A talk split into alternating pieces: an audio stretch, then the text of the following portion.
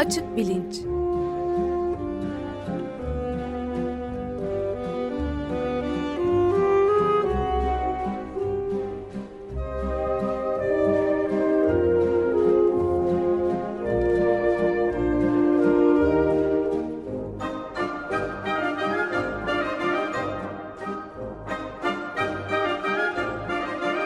Güven Güzeldere ile bilim ve felsefe sohbetleri. Merhabalar Güven Bey, günaydın. Günaydın Ömer Bey. Günaydın. Günaydın Özdeş. Evet, bugün konuğumuz yok. Elon Musk'tan bahsedeceğiz anladığım kadarıyla. Neuralink teknolojisi. Evet, bu Neuralink projesinden bahsetmek istiyorum. Çünkü ilginç bir proje ve Elon Musk'ın vizyonu gerçekleşirse bütün dünyayı değiştirecek, dönüştürecek çok önemli bir proje. Kendisi en azından öyle lanse ediyor. Konuşabileceğimiz Neuralink hakkında pek çok mesele var. Çünkü Neuralink projesi nörobilimlerdeki bir takım araştırmalarla iletişim teknolojilerindeki, örneğin akıllı telefonların geliştirilmesinde kullanılan teknolojilerdeki bir takım araştırmaları bir araya getiriyor. Yani iki farklı alanın mirasını aslında üstlenmiş durumda. Fakat bunları özgün ve kendine has bir şekilde birleştiriyor. Bu anlamda hem teknolojik anlamda getirdiği yenilik nedir, nörobilime bir katkısı var mı bunları değerlendirmek mümkün. Hem de bunların ötesinde niye böyle özel bir proje bundan da biraz bahsetmek isterim. Bir de Neuralink projesinin temas ettiği alanlarda başka ilginç çalışmalar da var. Dolayısıyla bunu böyle bir seri halinde yaparız diye düşündüm. Yani giriş programından sonra mesela e, Neuralink'in kullandığı türde teknolojileri kullanan beyin cerrahları var. İleri derecede Parkinson hastalığının tedavisinde mesela kullanıyor bu teknolojiler. Bu konuda bir program e, yapacağız. Bir aksilik olmazsa operatör doktor Ali Zır konuğumuz olacak. Meselenin hukuka dair bir takım e, yönleri, sonuçları var. Nöro hukuk konusunu çalışan e, Profesör Ozan Eröz'den e, konuğumuz olacak. Yani insan davranışını belirleyen normlarda bir takım değişiklikler e, söz konusu olabilir. Eğer hepimiz beynimize birer Neuralink taktırıp gezen insanlar haline gelirsek e, hukuk açısından bunu değerlendirmek lazım. Konunun yapay zeka ile alakalı bir tarafı ha, var. Onu soracaktım. Çünkü evet Elon Musk diyor ki yani bu e, hepimiz bir Neuralink sahibi olduğumuz zaman mesela bütün hafızamızı bir bilgisayara indirebiliriz. Orada saklayabiliriz ya da sonra belki başka bir bedene yükleyebiliriz ya da işte yapay zeka teknolojileriyle üretilmiş bir takım bilgileri beynimize yükleyebiliriz. Örneğin e, yeni bir dil öğrenmek istiyorsunuz. İşte bu Neuralink sayesinde bir saat içinde beyninize yüklenen yeni bir programla birden kusursuz İtalyanca konuşan bir insan haline gelebilirsiniz. Tabii bunlar çok harika hayaller. Yani bunların içinde böyle insanın hoşuna gidebileceği şeyler var. Ben isterim doğrusu yani 10 değişik dili birden hani bir saat içinde beynime yüklediler, konuşuyor oldum filan. E, dili öğrenmek çok zor bir şey. İyi dili öğrenmek. Ama istemeyeceğim tarafları da var. Yani konunun ahlaki bir boyutu da var aslında. Bunların hepsini ele almakta fayda olur diye düşünüyorum. Dolayısıyla böyle bir 4-5 programlık bir seri. Bu giriş kısmı da tahmin ederim ki e, bugün bitiremeyiz. E, gelecek haftada devam ederiz. Ardından konukları ağırlarız diye düşündüm. Şimdi bence yani hani meselenin daha e, bilim kurgu taraflarına girmeden önce bu Neuralink nedir? Yani teknolojik olarak nedir? Bunu biraz anlamak önemli diye düşünüyorum. Bunu biraz açıklamaya çalışayım. Şimdi bir kere Neuralink bir şirketin adı. Elon Musk'ın kurduğu bir şirket 2016 yılında kurulmuş. 4 senelik henüz. 100 milyon dolar yatırım yapmış buna Elon Musk. Bir takım başka bir 50 milyon dolar kadar daha da para bulmuş başka yatırımcılardan. Ee, ve çok hızlı bir şekilde bir projeye girmiş vaziyetteler. Bu projede yine Neuralink adını verdikleri bir beyin makine arayüzü geliştirme projesi. Ee, bu beyin makine arayüzü denen şey aslında küçük bir cihaz. Ee, yaklaşık bir kuruş büyüklüğünde gibi düşünebilirsiniz. 8 milimetre e, çapı var. Üstünde 1024 tane çok ince elektrod e, var. Bunlar böyle e, bu elektrodlar esnek, kırılmayan ama beynin içine girebilecek sertlikte ve yaklaşık olarak bir insan saçının 20'de biri inceliğinde. Yani bu Neuralink denen hikayeyi işte bir insanın beynine yerleştirdiğiniz zaman aslında 1024 nörona yani beyni oluşturan hücrelerin her birine tek tek temas eden e, elektrodlar ve bunların bağlandığı böyle yaklaşık bir kuruş büyüklüğünde e, üstünde bir işlemci olan bir mini bilgisayarı beyninizde taşıyor olacaksınız. Neuralink e, bu demek. Peki arayüz ne demek? Belki e, buradan e, başlamakta da fayda olur. Çünkü bu bir beyin makine arayüzü e, diyor Elon Musk. E, arayüzün ne olduğunu biraz anlamaya çalışalım. En genel, şimdi arayüz kavramı aslında bu dijital teknolojilerden önce pek ortalıkta olan bir kavram değildi. E, nispeten yeni çıkmış bir kavram. Fakat daha genel bir şekilde anlamak ya da anlatabilmek mümkün olabilir diye düşünüyorum. Birbiriyle iletişimde olabilecek fakat bunun protokolüne sahip olmayan, dolayısıyla birbirinin dilinden anlamayan iki canlı ya da iki sistem ya da iki bilgisayar programı ya da iki cihazın arasında e, ya da bunların kombinasyonlarının arasında tercümanlık yapacak bir cihaz. Arayüz bu demek. Yani interface kelimesinden doğrudan çevirmişler. İşte inter ikisinin arasında demek. E, face de yüz.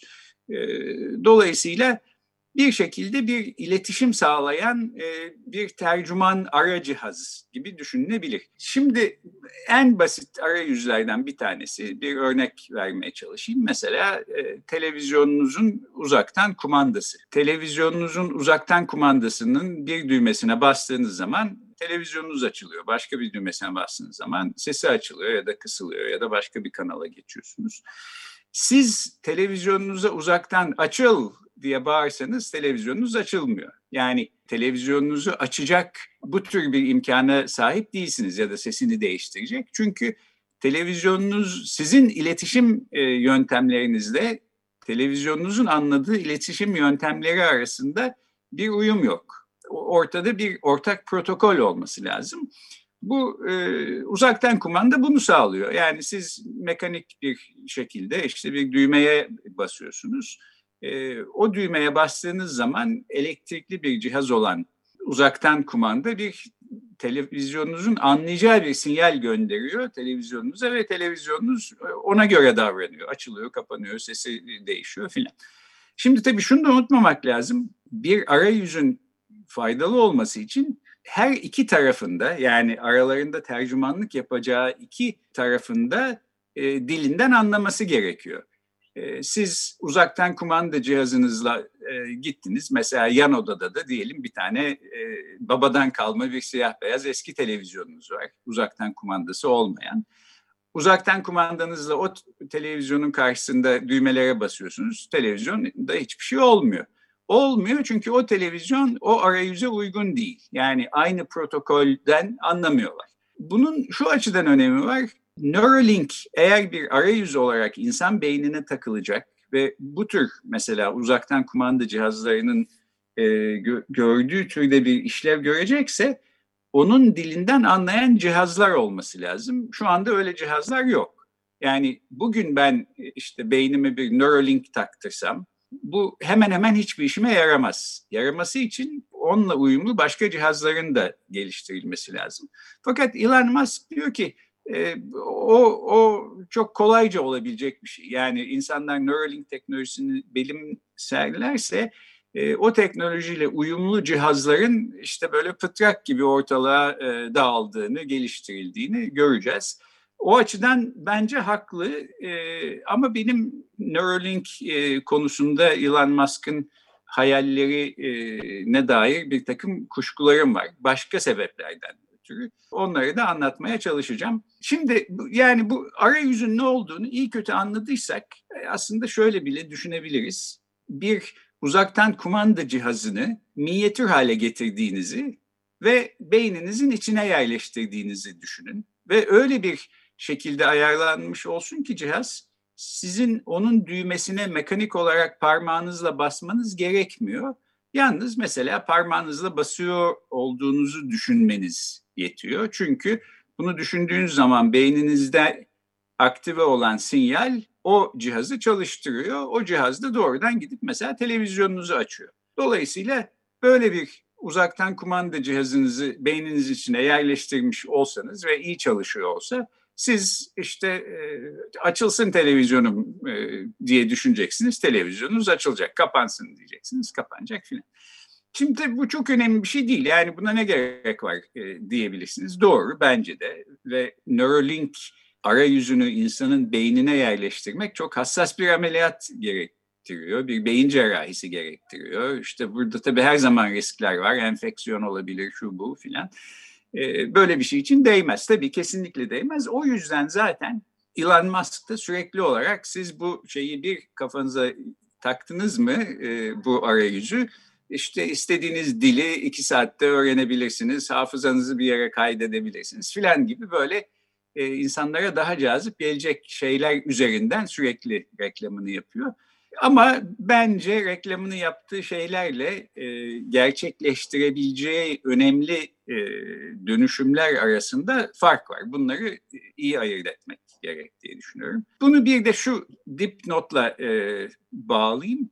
Şimdi yeni teknolojilere karşı ya bundan bir şey çıkmaz diyen ama sonra da çok mahcup olan pek çok insan var bilim tarihinde, teknoloji tarihinde. Yani işte telefon ilk çıktığı zaman canım ne gereği var işte zaten bir haber göndermek gerekiyorsa telgraf çekiyoruz. Onun ötesinde de ne yani böyle nasılsın iyi misin diye e, bu, bu cihazla mı konuşacağız e, insanlarla diyenler de tabii olmuştu. İşte internet çıktığı zaman ya fax makinesi var bize yetiyor da artıyor. Bunun fazlasına ne gerek var diyenler de olmuştu. Uçaklara ne gerek var at arabaları yetmiyor mu diyenler de olmuştu falan. Dolayısıyla yani bu Neuralink sahiden e, Elon Musk'ın hayalindeki gibi e, çok dönüştürücü bir şey olabilir belki. E, benim kuşkularım yersiz olabilir ama e, ben en azından neden, niçin e, kuşku duyduğumu anlatmaya burada çalışayım. Kararı e, siz verin. Son olarak bir de bu Neuralink teknolojisini anlamak için belki şunu e, anlamakta fayda olabilir.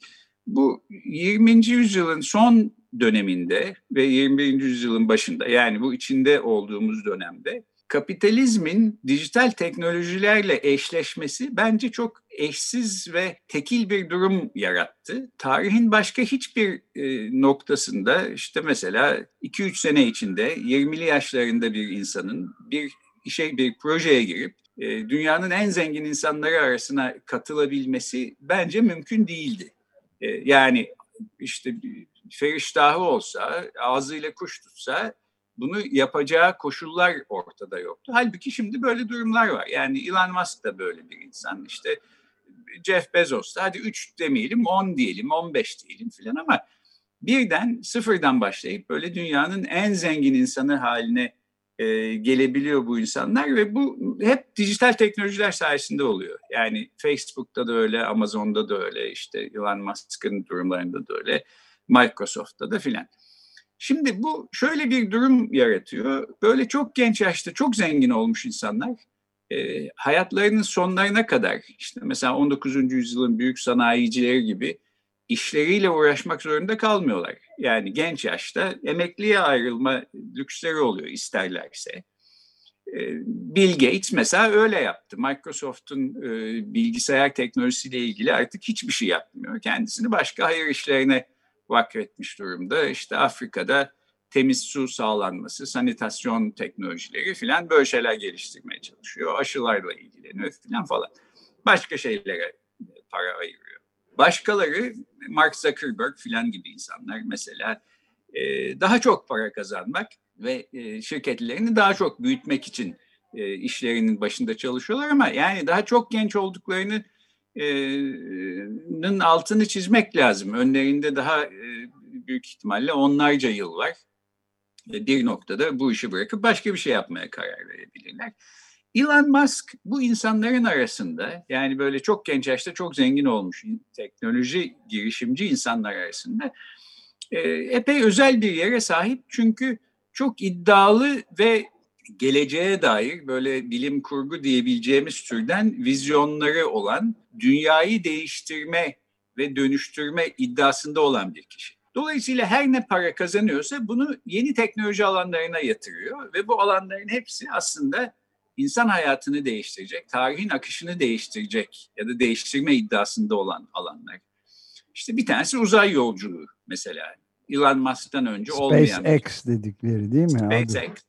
Evet. E şimdi kolay bir şey değil. Yani tam Mars'a kadar gidecek bir e, uzay gemisi inşa edeceksiniz ya da ettireceksiniz. İşte NASA ile işbirliği yapacaksınız filan. Bu böyle tek bir kişinin, özel bir girişimcinin yapması hayal bile edilemeyecek bir şeydi. Ama adam böyle şeyler hayal ediyor. Elon Musk sonrasında artık e, işte pikniğe Mars'a gider olduk e, diyecekler diye umuyor ya da öyle bir e, vizyonu var. E, ikinci e, alan e, trafik ve ulaşım. İşte Tesla otomobillerini yapıyor. Hem elektrikli araba üretme konusunda e, iddialı hem de mesela bütün karayollarını yer altına e, almak gibi bir düşüncesi var. Bunu otomatik giden arabalarla birleştirdiğimiz zaman Elon Musk'ın vizyonuna göre trafikte hiç zaman kaybediyor olmayacağız. Yani bir, şekilde kendiliğinden giden e, otomatik bir araba bizi alıp yeraltı yolundan gideceğimiz yere götürecek. Biz de o sırada işte belki film seyrediyor olacağız falan neyse. Bu tabii çok vizyoner bir şey gibi gözüküyor ama bana aslında e, biraz miyopça bir e, görüş gibi geliyor. Çünkü yani elektrikli de olsa işte doğayı kirletiyoruz. Gezegenin sonu gelebilir. Dolayısıyla o yolların hiçbirini kullanma imkanımız zaten olmayabilir filan. Dolayısıyla hangi vizyonun ne kadar geniş bir ufka sahip olduğunu aslında değerlendirmek kolay değil. Ya da Elon Musk'ın bütün vizyonlarının böyle geniş ufuklu e, olduğunu söylemek bence pek mümkün değil. Neyse üçüncü e, alan da işte bu Neuralink alanı. Yani insanlarla makineleri bir şekilde entegre etmek ve insanların bu şekilde hem davranış e, kapsamını hem e, işte iletişimde olduğu başka cihazları doğasını değiştirmek. E, bu aslında en devrimci, en dönüştürücü olan e, şey bence bu. Teknoloji bu. Eğer tutarsa. Çünkü işte yani öteden beridir bu İkinci Dünya Savaşı sırasında sibernetik diye bir e, alan çıkmıştı. Yeni bir bilim alanı. E, matematikçilerin falan geliştirdiği bir şeydi. E, sonra bu sibernetik ilkelerle e, ilkelere uyumlu cihazların yani sentetik e, nesnelerin insan bedenleriyle e, entegre edilmesi e, sonucunda ortaya çıkan şeylere de cyborg ya da sibernetik organizma deniyor. Bu konuda da daha eskilerde bir program yapmıştık. Elon Musk'ın görüşüne göre hepimiz e, bir cyborg olabiliriz ve e, yaşamımızın kalitesi, rengi, zenginliği çok daha artabilir bu sayede. Neuralink de bunu yapmaya çalışıyor. Yeter ki bu e, teknoloji başarılı olsun. Başarılı ben, olması... pardon birkaç e, bir iki Tabii, ufak nokta sorabilir miyim? Bir tanesi bu Neuralink'in Neuralink ya da nasıl okunuyorsa yapay zeka ile yakından bir bağlantısı olduğu söylenebilir herhalde. Ona evet. gireceğiz şeye.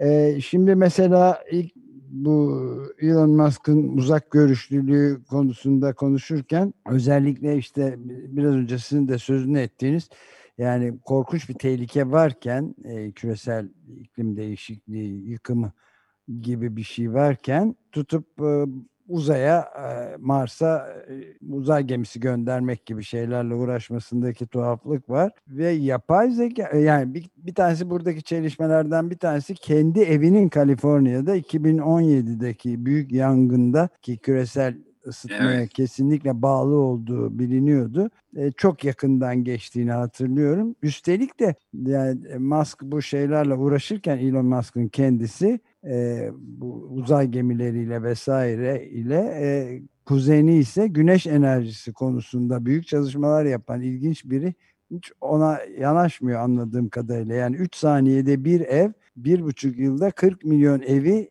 güneş enerjisiyle donatıp hem istihdamı hem de küresel ısıtmaya karşı bayağı büyük bir şey olacağını söylemiş bir adam. Yani şeyin e, Falter kitabında çok ayrıntılı ilginç bilgiler var Bill McKibben'ın. bu sene evet. çıkardığı bu konuda. Ama beni asıl e, çarpıcı bulduğum şey yani e, bu SpaceX çalışmalarında mesela e, çok böyle sizin de net olarak söylediğiniz gibi akla yakın gibi geliyor işte Mars'a gitmek falan ama mesela şeylerin üzerinde hiç durmuyor. NASA'nın açıkladığı bir şey var mesela Amerika'nın en büyük bilim e, atmosfer araştırmaları kuruluşu ve dünyanın herhalde 9 büyük sağlık riski olduğundan hiç bahsetmiyor astronotlar ve insanlar üzerinden mesela.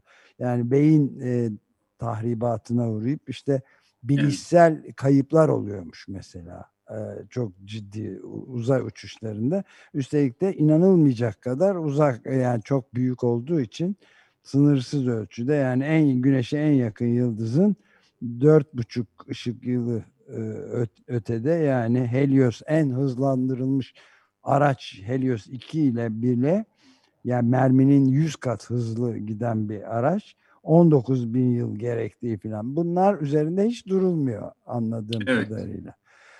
Son olarak da bir şey daha eklemek istiyorum yani beyin yani şey özellikle bu insanlık için e, artificial intelligence'ın yani yapay zekanın bizzat kendisi Elon Musk'ın hatırladığım kadarıyla ve kitapta da var, Falter kitabında da var. E, insanlık için son derece büyük bir tehlike oluşturduğunu e, açıkça birkaç defa söylemiş yani 2017'de 2018'de hatta ve e, bunu son fırsat penceresi kapanmadan e, regüle etmemiz lazım. Kamu zararına olan her şeyin regüle edilmesi, düzenlenmesi denetlenmesi gerekir diye derken tam tersini yaptığını görüyoruz. Çok e, riskli ve tehlikeli evet. buluyorum yani Elon Musk'ın yaptıklarını bu açıdan. Evet şimdi burada aslında çok acayip bir durum var. Yani Neuralink teknolojisini anlatmaya e, gelecek hafta devam edeyim. Bu konuyla e, bağlayalım.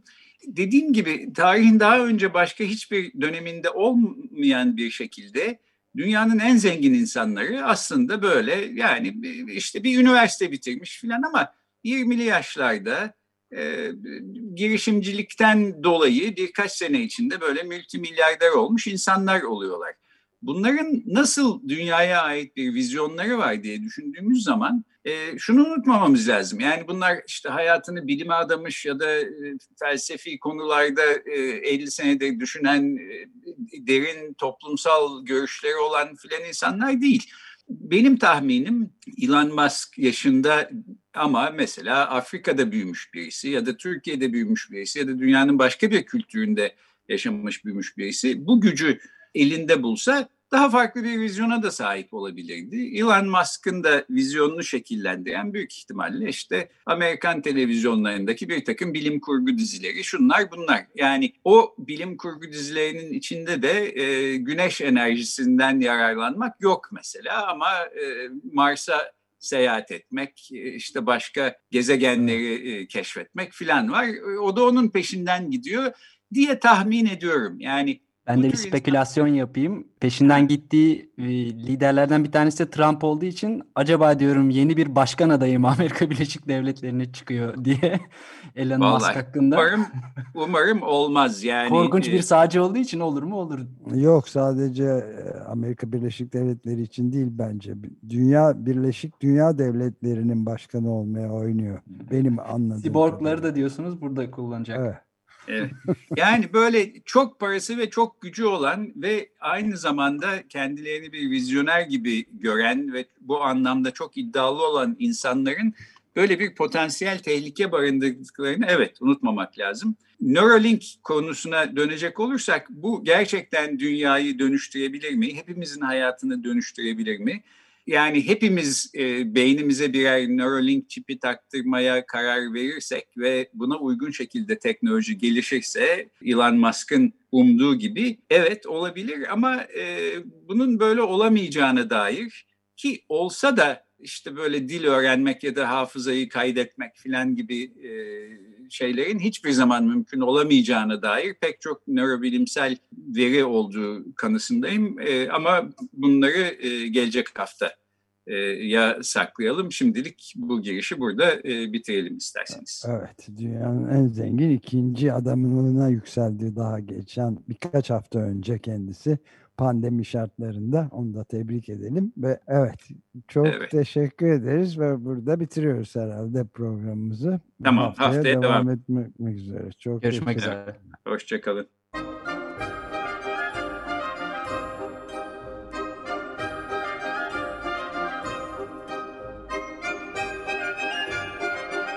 Açık Bilinç